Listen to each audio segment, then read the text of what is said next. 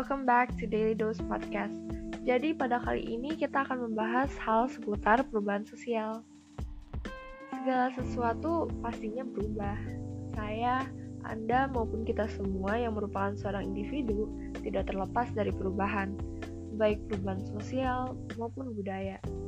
Tentunya dalam sehari-hari secara disadari kita mengalami banyak sekali perubahan, tetapi tanpa disadari juga kita mengalami banyak perubahan. Jika ditengok kembali kehidupan manusia dahulu, pastinya akan mengalami banyak sekali perubahan. Tapi sebenarnya apa itu perubahan sosial? Secara sederhana, perubahan sosial merupakan perubahan dalam masyarakat yang mempengaruhi berbagai hal, seperti sistem sosial, nilai, ras, sikap, dan pola perilaku individu di antara kelompoknya. Wesley Davis mengatakan bahwa perubahan sosial merupakan bagian dari perubahan kebudayaan. Perubahan dalam kebudayaan mencakup semua bagiannya, yaitu kesenian, ilmu pengetahuan, teknologi, filsafat, bahkan perubahan dalam bentuk serta aturan organisasi sosial. Jadi, setiap dari kita harus dapat berinteraksi di lingkungan agar dipaham dan dapat sadar perbedaan apa yang ada di lingkungan. Lalu timbullah pertanyaan, Apakah perubahan sosial ini terjadi dengan sendirinya? Tentunya tidak, karena kita dapat melihat adanya faktor-faktor pendorong, yaitu saat kita berinteraksi dengan budaya lain, di mana hal tersebut akan menambah pengetahuan kita dan adanya perubahan sosial yang terjadi itu biasanya dipicu atau ditimbulkan oleh rasa ketidakpuasan dengan kondisi saat ini dan menimbulkan keinginan untuk menjadi pribadi yang lebih baik. Dalam faktor pendorong ini terdapat proses perubahan sosial, yaitu faktor internal dan eksternal. Nah, sekarang kita bahas satu-satu. Dimulai dari faktor internal. Jadi, apa sih perbedaan faktor internal dengan eksternal? Kalau faktor internal itu merupakan perubahan yang terjadi karena masyarakat itu sendiri. Artinya ini dipengaruhi oleh bertambah dan berkurangnya penduduk, di mana ini tentunya akan menimbulkan perubahan dalam struktur masyarakatnya. Kedua, penemuan-penemuan baru. Misalnya, penemuan baru teknologi yang sudah maju nantinya itu dapat dimanfaatkan dalam kehidupan sehari-harinya. Lalu konflik. Dengan adanya konflik, pasti akan menyebabkan perubahan sosial itu terjadi. Misalnya, kita melihat ada perbedaan pendapat di suatu kelompok di desa-desa dan mengakibatkan perdebatan karena mereka saling tidak memahami.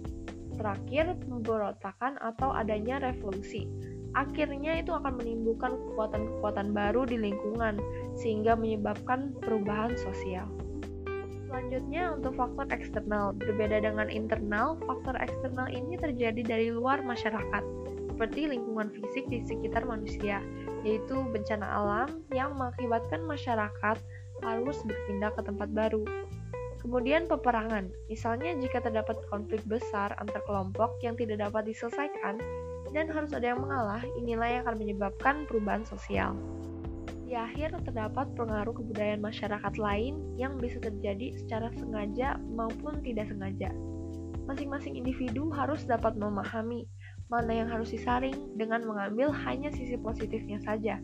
Di samping itu, terdapat faktor penghambat yang terjadi karena kurangnya hubungan dengan masyarakat lain, perkembangan ilmu pengetahuan yang terlambat, sikap yang tertutup, dan masih mengagungkan tradisi masa lampau. Adanya kepentingan yang sudah tertanam kuat, memiliki rasa takut yang akan terjadi kegoyahan pada integrasi kebudayaan, prasangka pada hal-hal baru, atau bahkan karena hambatan bersifat ideologis dan adatnya.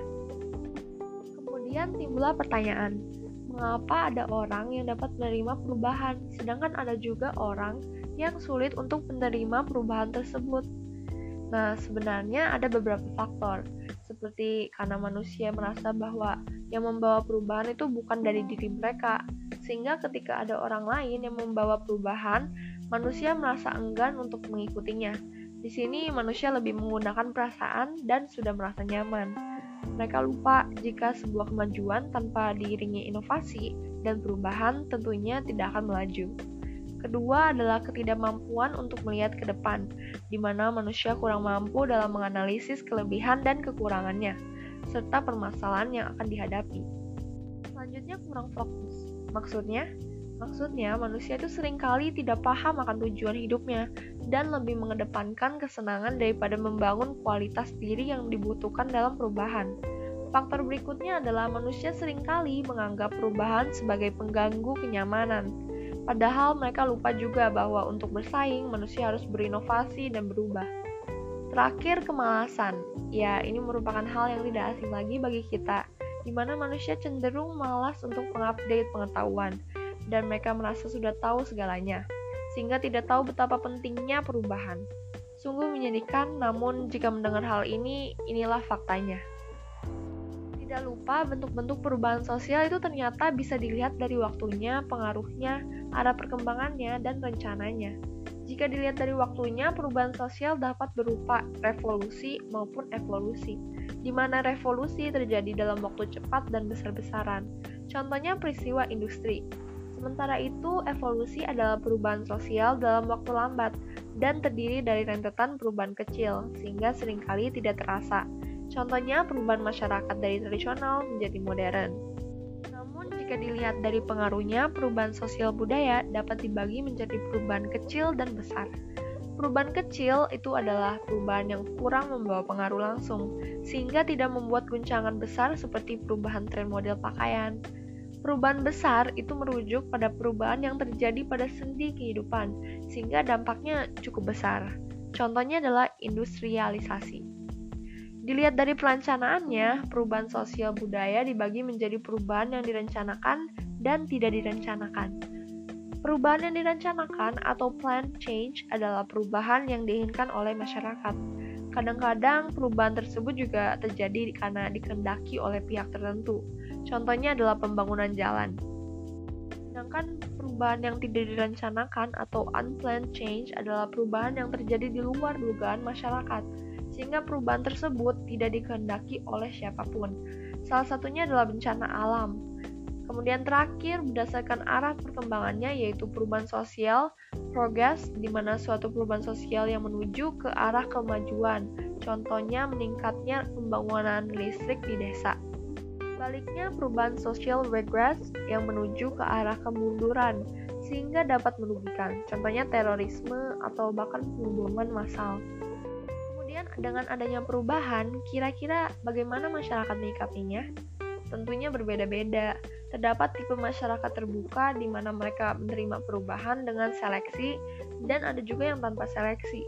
Namun masyarakat yang tertutup itu sulit untuk menerima perubahan, cenderung berpikir bahwa perubahan menyebabkan hilangnya keaslian budayanya. Tetapi terdapat juga masyarakat yang berperilaku positif, di mana mereka percaya pada diri sendiri dan berpikir rasional, terbuka pada inovasi baru. Sebaliknya, perilaku masyarakat negatif terhadap perubahan akan menyalahgunakan teknologi, perilakunya kebarat-baratan, dan bersifat konsumerisme. Di balik semua itu terdapat dampak yang ditimbulkan perubahan sosial, yaitu munculnya nilai dan norma baru yang lebih sesuai tuntutan perkembangan zaman, berkembangnya lembaga-lembaga sosial baru, pesatnya perkembangan teknologi.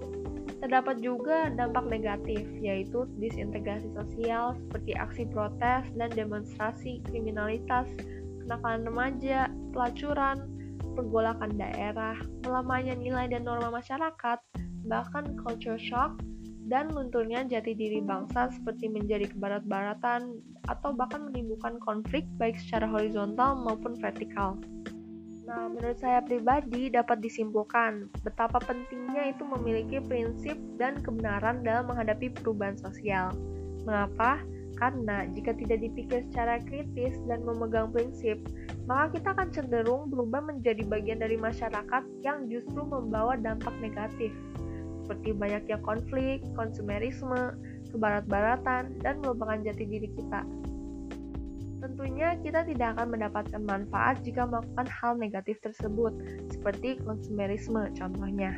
Maka sebagai individu yang bertanggung jawab, maukah kita menerima perubahan sosial dan menyerap hal positifnya saja? Seharusnya kita mempunyai pikiran kritis untuk menyadari adanya hal yang akan merugikan kita jika kita tidak memiliki prinsip. Maka jangan sampai kita menjadi salah satu orang yang mendukung dan bahkan mengembangkan perubahan sosial secara negatif. Namun balik lagi, karena pada akhirnya semua ini kembali pada diri kita sendiri. Sikap apa yang kita akan ambil pada saat perubahan-perubahan tersebut datang menghampiri kita.